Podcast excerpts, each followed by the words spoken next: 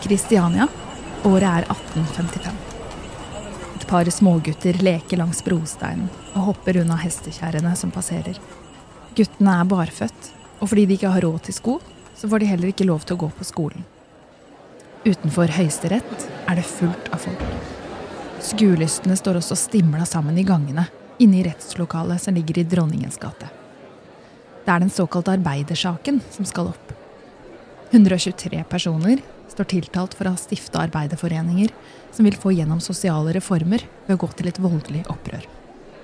Det er iallfall hva myndighetene tror. Fire år tidligere så hadde de fengsla foreningsledere og medlemmer over hele landet. Og nå står de 123 mennene og ser ned, prega av det som venter dem. Fengselstid i Kristianias 1850 er ikke å trakte etter. Enten det blir arbeidsstraff på slaveriet på Akershus festning, eller innelåst i mørke celler. Men én av de tiltalte skiller seg ut. Han virker rolig. Med gyllen hud og mørke krøller blir han ofte tatt for å være fra Sør-Europa. Markus Trane, mannen som hadde starta foreningene, han kommer fra den norske overklassen. Han er ikke spesielt høy, og etter å ha levd på fengselsmat i snart fire år, så har han blitt tynn. Men han går rakrygget og trygg mot tiltalebenken. Gir et kort, muntert blikk til kona Josefine, og er klar til å få sin dom.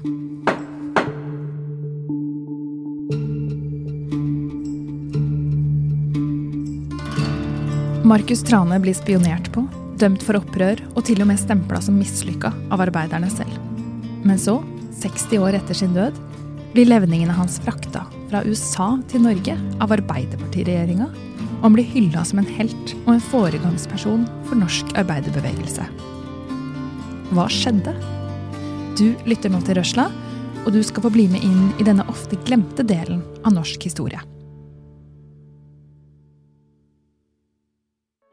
Og vi starter denne historien i 1817. Markus Trane blir født eh, i Kristiania, Oslo. Og han ble født inn i en uh, rik familie, en statslig familie. Hans farfar, som het Paul Trane, han ble kalt kong Trane. Han tilhørte den såkalte plankeadelen i Kristiania på 1700-tallet, som hadde tjent seg steinrike på uh, eksport av planker, av tømmer. Historiker Mona Ringvei har brukt flere år på å studere Markus Trane sitt liv.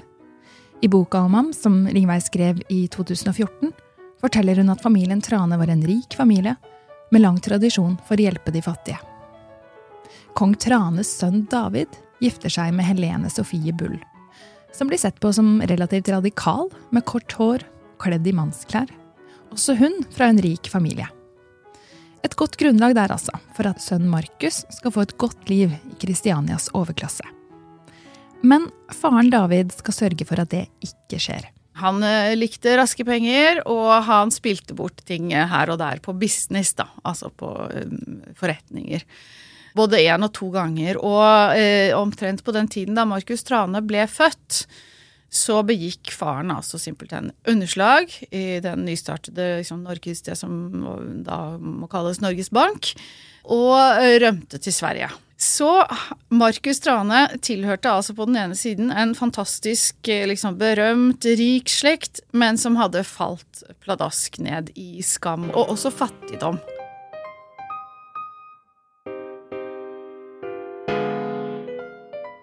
Når Markus bare er 13 år, så dør moren Helene.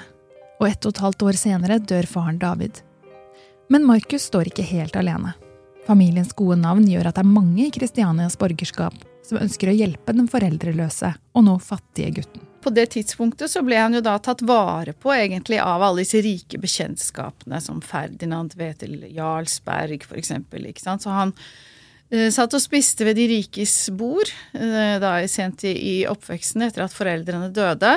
Så han tilhørte overklassen, selv om familien var fattig. Det tar ikke så lang tid før Markus velger å snu ryggen til foreldrenes rike venner. Rett etter at han er ferdig med skolen, som ble betalt for ham, så forlater Markus Trane det gode selskap. Han hadde alle muligheter til å klatre selv sosialt. Han hadde alle bekjentskapene, han hadde evnene. Men det valgte han altså bort.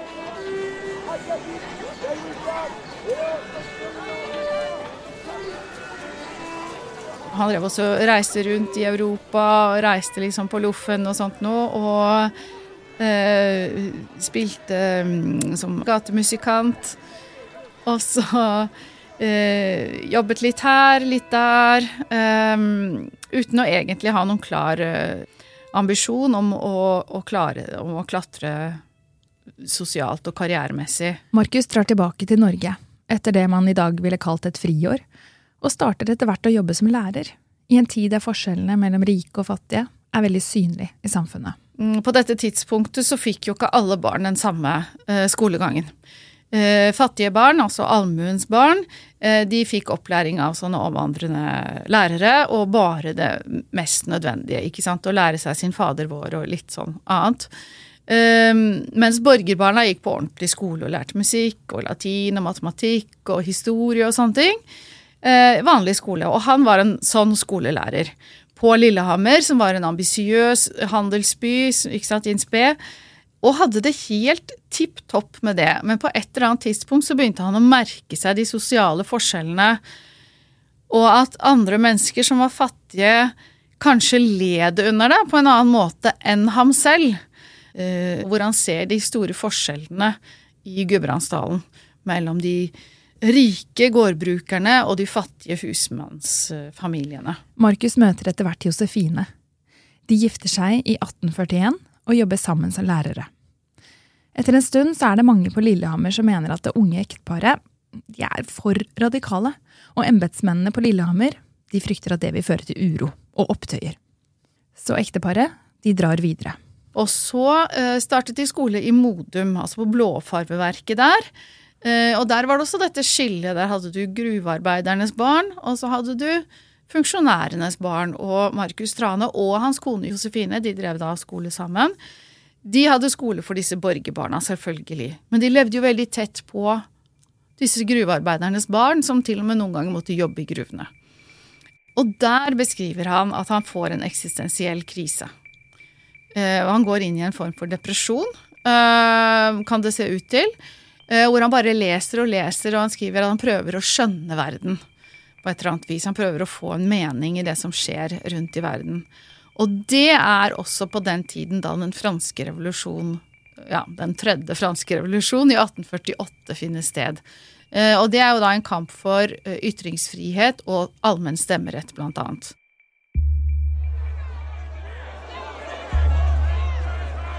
Den tredje franske revolusjonen starter i gatene i Paris, bare et par uker etter at Karl Marx gir ut boka Det kommunistiske manifest. Opptøyene sprer seg, og rundt om i Europa er det en rekke voldelige demonstrasjoner den våren. Og på et eller annet tidspunkt da, våren 1848, så ser han på en måte lyset, holdt jeg på å si. Eller han ser løsningen for seg selv, eller han ser en kamp, han ser noe han får lyst til å gjøre med glød, noe som drar han ut av denne mer depressive tilstanden. Uh, og da har han lest masse aviser som forteller om hva som skjer i dag. Og da får han lyst til å bli en av disse som skriver i avis, og mener og synser om politikk. For det er i avisa folk når ut med meningene sine. Og det er her Markus Trane tenker han kan overbevise folk om at forskjellene i samfunnet de må utjevnes. Så han starter først å skrive leserinnlegg, anonymt, der han tar partiet med de fattige. Etter hvert så får han jobb som redaktør i Drammensavisa, noe han mest sannsynlig aldri ville fått hvis alle visste at det var han som skrev disse innleggene. Men bare etter noen måneder som redaktør så får avisa, ikke overraskende, en ganske tydelig slagside, hvor redaktør Markus sine personlige meninger kommer tydelig fram. Men så er det bare det at de som abonnerer på denne avisen, det er jo Drammens uh, borgerlige overklasse. Og Markus Tranes redaktørgjerning er jo full av sprelske politiske ideer inspirert fra Paris. Blant annet så driver han og tenker og fabulerer omkring hva hvis man startet demokratiske foreninger der folk på en måte kunne hjelpe seg selv og fremme forslag til reformer og ikke sant? Den slags ideer drev han og på en måte fabulerte om i denne avisen, og det kom inn klager. Eh, så han fikk beskjed om å roe seg eller miste jobben. Markus Trane roer seg ikke, og mister jobben i avisa. Og det skal vise seg å bli skjebnesvangert. For, fri fra ansvaret som redaktør, så jobber Markus videre med ideen om å starte demokratiske foreninger som kan stå sammen og endre samfunnet. Og etter kort tid så er han i gang. Han starter jo først med å uh, snakke med en, uh, en, tømmerhugger i skogene utenfor uh, Drammen. Tømmerhuggeren Gustav, som klager sin nød. og så får de samlet et sånt titalls folk, og så starter de en for Den første foreningen har litt over 100 medlemmer, tror jeg, i Drammen. Men så reiser altså Markus Trane våren 1849 da, ut på en slags Eh, verveturné. Eh, drar eh, fra småsted til småsted og holder disse møtene. Og I de møtene så blir det valgt en lokal formann, og så starter de. Og sånn så sprer disse foreningene seg som paddehatter utover hele Østlandet. Våkn opp, arbeidere. Foren dere og bli enige om å virke selv til deres fremtids beste. For dere har lenge nok erfart at det er forgjeves å vente på at andre vil gjøre noe for dere. Etter å ha holdt taler og verva medlemmer i tre måneder, når foreningene etter hvert Kristiania. Og så skyter medlemstallet i været. Husmenn som blir dårlig behandla av gårdseiere, arbeidere som jobber på gårder eller fabrikker inne i byen, fiskere, håndverkere, ja, de fleste fra det lavere sosiale sjiktet melder seg inn. Bare på få år får foreningen rundt 30 000 medlemmer. Det høres kanskje ikke så mye ut i dag, men på den tida så var det helt vilt. Ja, det er helt eksepsjonelt stort, fordi det var 30 000 personer som hadde stemmerett ved valgene i 1850. Så det er like mange uh, som da kunne stemme. Uh, så det er et slags sånn skyggedemokrati ikke sant, som er like stort som det, de som faktisk har makt. Den reelle makta foreningene har, er imidlertid ikke-eksisterende. Men arbeiderbevegelsen har iallfall samkjørt seg og det er et slags startskudd på den arbeiderkampen man senere skal komme til å se i markeringer på 1. mai, forklarer LO-rådgiver og forfatter Jonas Bals. Fra første stund av så peker man jo på at altså dersom du skal klare å få folk til å være med å bli demokratiske medborgere, være med å bestemme hvordan samfunnet skal være, så kan de ikke jobbe tolv timer, eh, være utslitte og utsulta, eh, komme hjem og ikke ha tid til eh, noen ting. For arbeiderbevegelsen så var det helt helt fra starten av en sånn veldig viktig sånn åndelig dimensjon nærmest. Man snakka om at man skulle ha åtte timers arbeid, åtte timers søvn og åtte timer med fri tid, som man kalte det.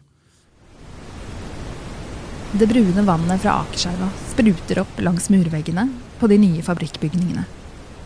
En kan så vidt høre summingen fra veve- og spinnemaskinene som nylig ble frakta fra England.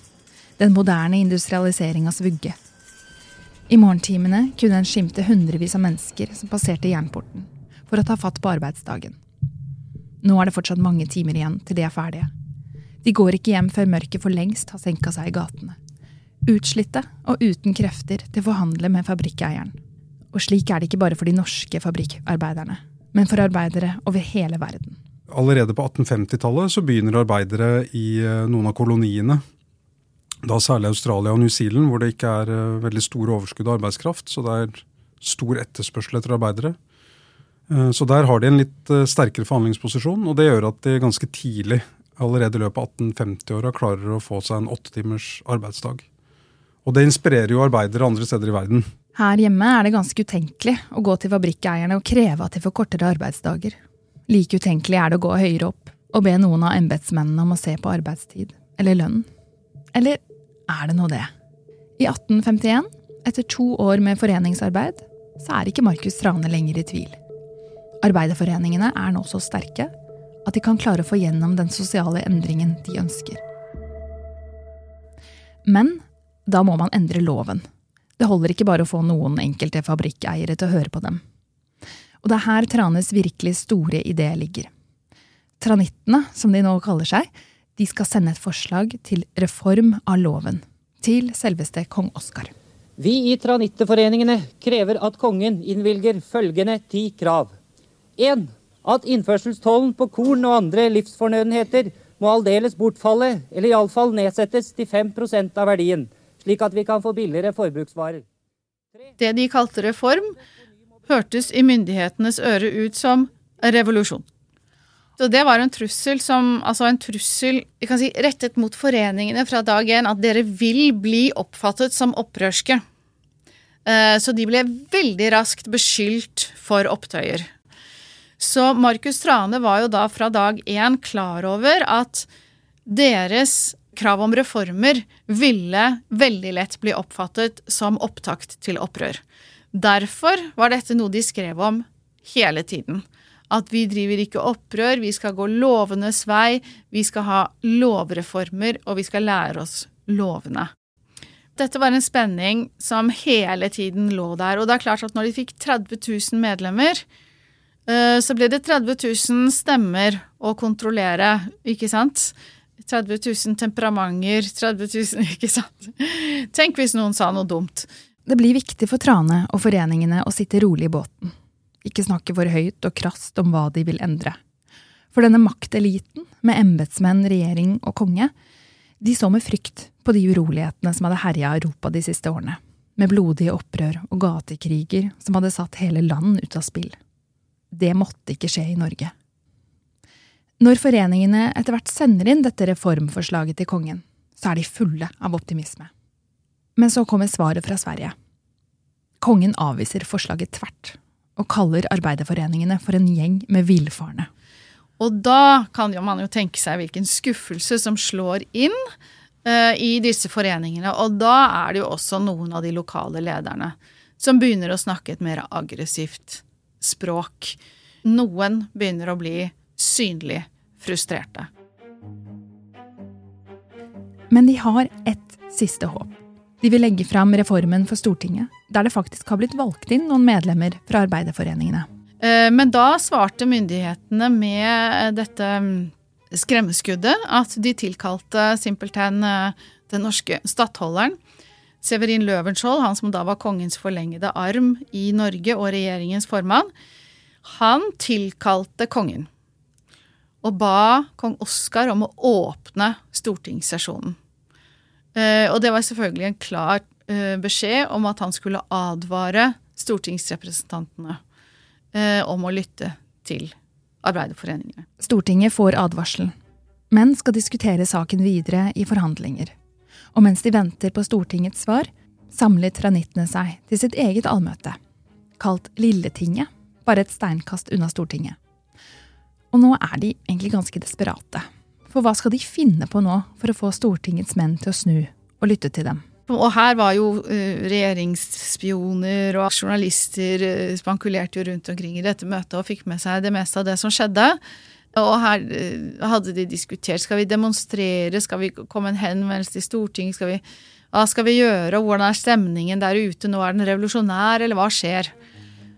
Og da var det noen som på en måte tenkte at nå har de bestemt seg for revolusjon. Og da gikk da myndighetene til aksjon, som det heter. De arresterte foreningenes ledere og en god del medlemmer. Uh, på bakgrunn av mistanke om at de hadde planlagt revolusjon.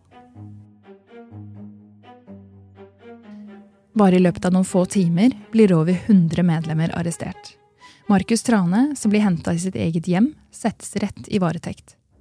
Etter ordre fra stattholder Løvenskiold er det en slags kommisjon, altså en gjeng med embetsfolk og eksperter, som får i oppgave å etterforske saken. Og de får også, passende nok, dømmende makt, som betyr at de kan stille tranitterforeningene for retten. Uh, og, og, disse intervjuet jo eh, medlemmer fra store deler av landet uh, for å mane frem hvorvidt det hadde vært snakk om å vedta revolusjon.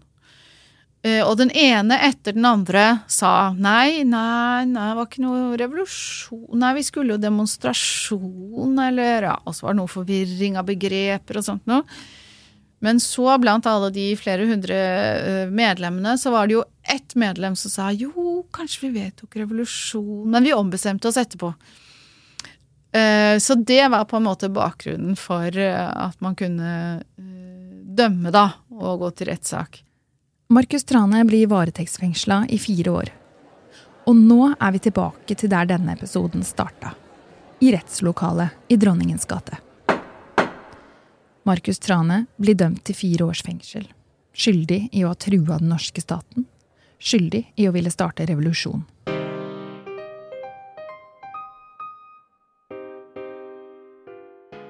Markus Trane, som var kanskje den viktigste lederen, han uh, endte opp med å sitte først fire år i varetekt. Og når han til slutt ble dømt til fire års fengsel av Høyesterett, så fikk han ikke fratrekk på en eneste dag. Så han satt inne størstedelen av 1850-tallet. Og når han slapp ut igjen, så fikk han bare veldig kort tid sammen med kona Josefine, som da hadde tatt over Arbeiderforeningenes Blad og blitt Norges første kvinnelige avisredaktør. Men de hadde jo også en stor ungeflokk sammen, og hun hadde vært aleine om å forsørge disse her. Og hun uh, hadde pådratt seg tuberkulose, som veldig mange fattigfolk gjorde på den tida her. Så hun døde kort tid etterpå. Og da dro Markus Trane over havet, sånn som veldig mange andre arbeidere i Norge gjorde på den tida. Han dro over til USA. Og interessant nok så endte han opp i Chicago, som da kom til å være liksom hovedstaden for kampen for åttetimersdagen. Og der ble han kjent med Louis Pio, blant annet, som hadde vært med å kjempe mot den såkalte slavetimen, den ellevte arbeidstimen i Danmark på 1870-tallet. En streik som ble knust. Louis Pio han hadde også blitt fengsla, og han dro også over havet, akkurat som Markus Tran gjorde.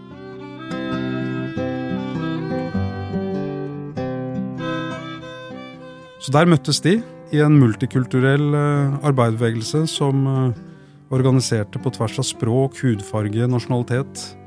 De ga ut uh, arbeideraviser på en haug med språk, bl.a. skandinavisk. Og de begynte da å ta opp denne kampen for åttetimersdagen. Og noen av de andre vennene Markus Trane fikk, det var jo disse Chicago-martyrene. Det er 4. mai 1886. I sentrum av Chicago har arbeidere fra hele byen samla seg på torget Haymarket for å protestere. Flere har klatra opp på vogner og står og roper slagord til politiet. Men ellers så går protesten ganske fredelig for seg. De krever åtte timers arbeidsdag, det samme som mer enn 300 000 arbeidere bare tre dager tidligere, på 1. mai, hadde markert i en generalstreik flere steder i landet. Under dette protestmøtet så kastes det en bombe mot politiet. Flere politimenn dør, flere arbeidere dør i kampene som følger etterpå. Og ganske raskt så singler myndighetene ut åtte ledende arbeidere. De fleste av dem anarkister. Eh, sier at de har stått bak denne bomba. Dømmer eh, flere av dem til døden. Én tar livet av seg i fengsel eller blir drept før eh, dødsdommen blir eksekvert. Fire blir hengt. De som mista livet, blir sett på som martyrer for arbeidernes kamp. I tiden som følger blir arbeiderbevegelsen og foreninger slått hardt ned på, på samme måte som de gjorde i Norge, hvor arbeiderforeningene til Markus Trane blir kriminalisert av norske myndigheter, noe som fører til at mange naturlig nok melder seg ut. Og da Markus Trane i 1886 drar tilbake til Norge på et besøk, så får han en ganske lunken velkomst. Returen hans til Norge blir ikke så veldig heldig, faktisk. Fordi han er på mange måter en litt sånn glemt mann når han kommer tilbake til Norge. Og det er mange som ikke vil at han skal ha en offentlig røst her til lands. Så han får bl.a. ikke holde tale i arbeidersamfunnet når han kommer til Norge. Det kan jo virke litt vanskelig å forstå at ikke bare er det myndighetene som vender Tran i ryggen, men også arbeiderbevegelsen selv, som ikke vil la han holde tale engang. Ja, dette er noe som jeg har strevd med å få helt tak på, men jeg tror at eh, Eller sånn som det fremgår når man leser disse avisartiklene og fremstillingene av ham, så, så, så tror jeg at han hadde på et eller annet vis fått status som en slags sånn taper som hadde startet et latterlig foretak som bare ble mislykket. Markus Trane dør i 1890. Han rekker akkurat å høre om arbeiderkongressen i Paris året før. Hvor de da vedtar at fra og med året etter så skal 1. mai være en internasjonal kampdag. Hvor arbeidere fortrinnsvis rett og slett skal gå hjem eh, etter åtte timers jobb. Eh, demonstrere, kreve åttetimersdagen vedtatt gjennom lov. Og det skulle jo da gå fra denne dagen da ble vedtatt i 1889, så skulle det gå tre tiår før åttetimersdagen ble realisert i Norge. Den fikk vi først i 1919, da først i tariffavtalene våre, og siden også i lov. Etter andre verdenskrig så hadde Arbeiderpartiet absolutt flertall på Stortinget. Men da, vet du, da syntes Arbeiderpartiet at det var kjempestas at det hadde eksistert en fyr som Markus Trane som hadde gått foran. Så de dro jo rett og slett og hentet kisten og fikk ham gravlagt på vår frelsers gravlund. Men vent nå litt. Blir Markus Trane plutselig hylla som en helt? Hvorfor nå? Hva er det ved nåtidas arbeiderbevegelse som velger å hedre han, i motsetning til forgjengerne, som bare ga han en kald skulder og kalte han mislykka? Ja, det er også uh, mystisk for meg, egentlig, men du kan jo si at uh, i tidlig Dette skjedde jo i 1949, da, at han ble begravet der. Så hadde jo Arbeiderpartiet blitt et sosialdemokratisk parti, og hvis man ser på de reformønskene og den kampen som arbeiderforeningene kjempet på 1850-tallet, eh, så ligner jo det egentlig et sosialdemokratisk program. Så han passet jo inn i Arbeiderpartiets selvbilde 100 år senere. Markus Trane var ikke bare forut for sin tid, men han ble stående som den første arbeiderlederen i norsk historie. Og han sto også midt i sentrum av den internasjonale arbeiderkampen med sete i Chicago. Tror du aldri siden den spede begynnelsen vil finne et 1. mai-tog som ikke har inneholdt også paroler som handler om kampen arbeidere i andre land fører, og som man solidariserer seg med og ser at man på mange måter befinner seg i et skjebnefellesskap med. Men én ting er viktig å huske på, mener Jonas Bals. Arbeidernes kamp for åttetimersdag, det som Trane og andre arbeidere kjempa for på slutten av 1800-tallet, det er faktisk veldig viktig og aktuelt den dag i dag. Normalarbeidsdagen som eh, ble kjempa gjennom med så store oppofrelser, den er jo dessverre for enkelte grupper nærmest en saga blått. Hvis du snakker med folk som kjører taxi, f.eks., eh, rundt om i det ganske land, så vil mange fortelle at der hvor de før klarte å brødfø seg og familien eh, på i hvert fall noe som var tilnærma lik en normalarbeidsdag, så er det nå ofte nødvendig å jobbe mange flere timer bare for å få det aller nødvendigste. Og ser du på sykkelbud som sykler rundt i noen av de største byene våre, for Volt f.eks., så hører jeg jo folk som jobber på Kirkens Bymisjon og Frelsesarmeen, de sitter jo der med arbeidsuniformene sine og spiser lunsj eh, på tjenester som er oppretta for fattigfolk. De jobber lange arbeidsdager eh, fordi mange av dem er selvstendig næringsdrivende på, på papiret, så de er ikke omfattet av noe regulering, og kan eh, står fullstendig fritt til å jobbe helsa av seg. Og det er jo noe mange gjør når de er unge, fordi man tenker at uh, da er man supermann eller superwoman. Men det er man jo ikke. Det er jo en av grunnene til at vi har dette lovfesta. Å passe på at man ikke presser kroppen mer enn det som uh, mer enn det den tåler. Så dette er under press fra mange kanter, uh, og kommer til å være en fortsatt kamp for arbeiderbevegelsen i åra som kommer. Røsla er en podkast fra Fri fagbevegelse, og denne episoden er laget av Yadoshika Bridget Raja og meg, Ida Bling. Tore Rysdalsnes er ansvarlig redaktør, og i denne episoden så har du hørt klipp fra NRK-seriene Historiske henrykkelser og Norsk historie. Musikken i Røsla er laget av Hans Kristen Hirve og David Ashok Ramani, og til denne episoden har vi i tillegg brukt musikk av Nisrality og lyd fra YouTube-kanalene SFX Channel, Project Brettes og Michael Gelfie.